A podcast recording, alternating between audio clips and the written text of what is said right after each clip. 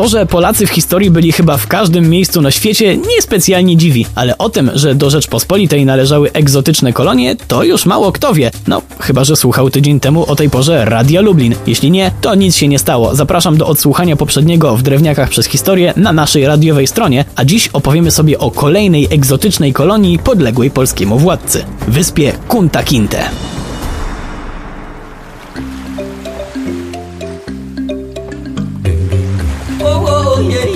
Również i te kolonie zawdzięczamy Jakubowi Kettlerowi, którego poznaliśmy tydzień temu. Nasz hardkorowy biznesmen uznał, że jak inwestować, to na całego i postanowił wysłać kolejną ekipę w okolice ujścia Gambii do Atlantyku. Przybyli tam w 1651 roku i pewnie im się podobało. W sumie nie ma się co dziwić, bo patrząc z perspektywy stratega albo handlowca, to miejsce było bardzo dobrze położone. Można było stamtąd kontrolować przepływające w okolicy statki. Trzeba było tylko jakoś uporać się z tubylcami. I tu mamy dowód na to, że kolonie podległe polskim władcom działały zupełnie inaczej niż te organizowane przez chociażby Hiszpanów. Zamiast wdawać się w walki i mordować tubylców, postanowiono się z nimi dogadać.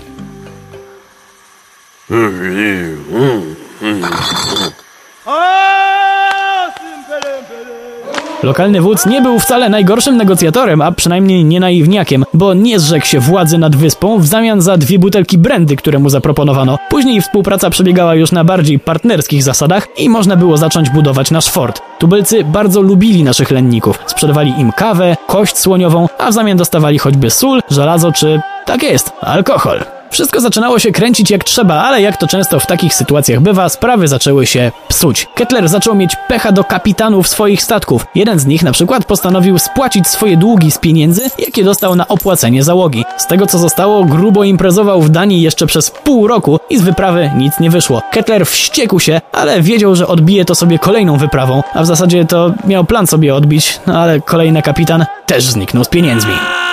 W tym czasie na samej wyspie zrobił się bałagan wręcz nie do opisania. Raz władzę obejmowali Holendrzy, innym razem lokalni piraci. Flaga powiewająca nad wyspą zmieniała się w zasadzie co chwilę, aż w końcu lokalni mieszkańcy stwierdzili, że dość tego bałaganu. Wszyscy poza naszymi lennikami traktowali ich jak zwierzęta. Wyraźnie dali do zrozumienia, że wszyscy kolonizatorzy mają spadać, a tylko ludzie Kettlera zostają, bo jako jedyni mieli ochotę się dogadywać z tubylcami.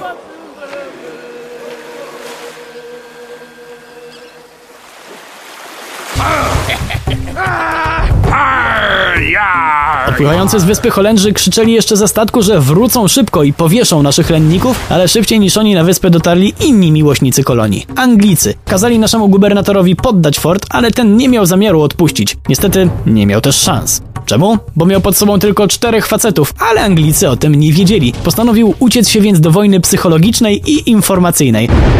Po pierwsze, ostrzelał pewnej nocy obóz Anglików, sprawiając wrażenie, jakby w forcie była cała masa ludzi, a po drugie, powiedział lokalnemu przywódcy, że Anglicy nie będą tak dobrymi kumplami, bo w odróżnieniu od Kurlandczyków mają zamiar z nich wszystkich zrobić niewolników. Wiedział jednak, że nie może oszukiwać bez końca, ale odpuścił dopiero, kiedy zaproponowano mu honorowe wyjście z sytuacji. Anglicy obiecali odwieźć szefa naszej kolonii do Europy razem z jego rzeczami, rekompensatą, a co dla honoru najważniejsze, notatką, że nie złamał przysięgi na wierność władcy i ustąpił dopiero wobec ogromnej przewagi.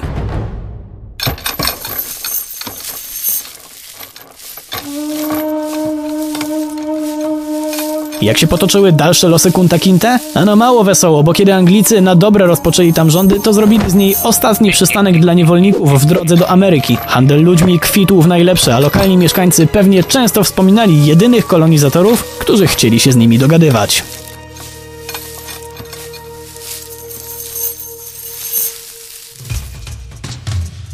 Warto pamiętać o tym, że Rzeczpospolita miała swoje egzotyczne kolonie, ale absolutnie nie dlatego, żeby gloryfikować nasze podboje. Nie, nie. Warto pamiętać o tym, że na tle innych wielkich graczy, Hiszpanii czy Anglii, nasze kolonie były ostoją normalności i dobrych relacji z tubylcami. A z tego naprawdę powinniśmy być dumni. Przy mikrofonie był Wojtek Drewniak. Do usłyszenia.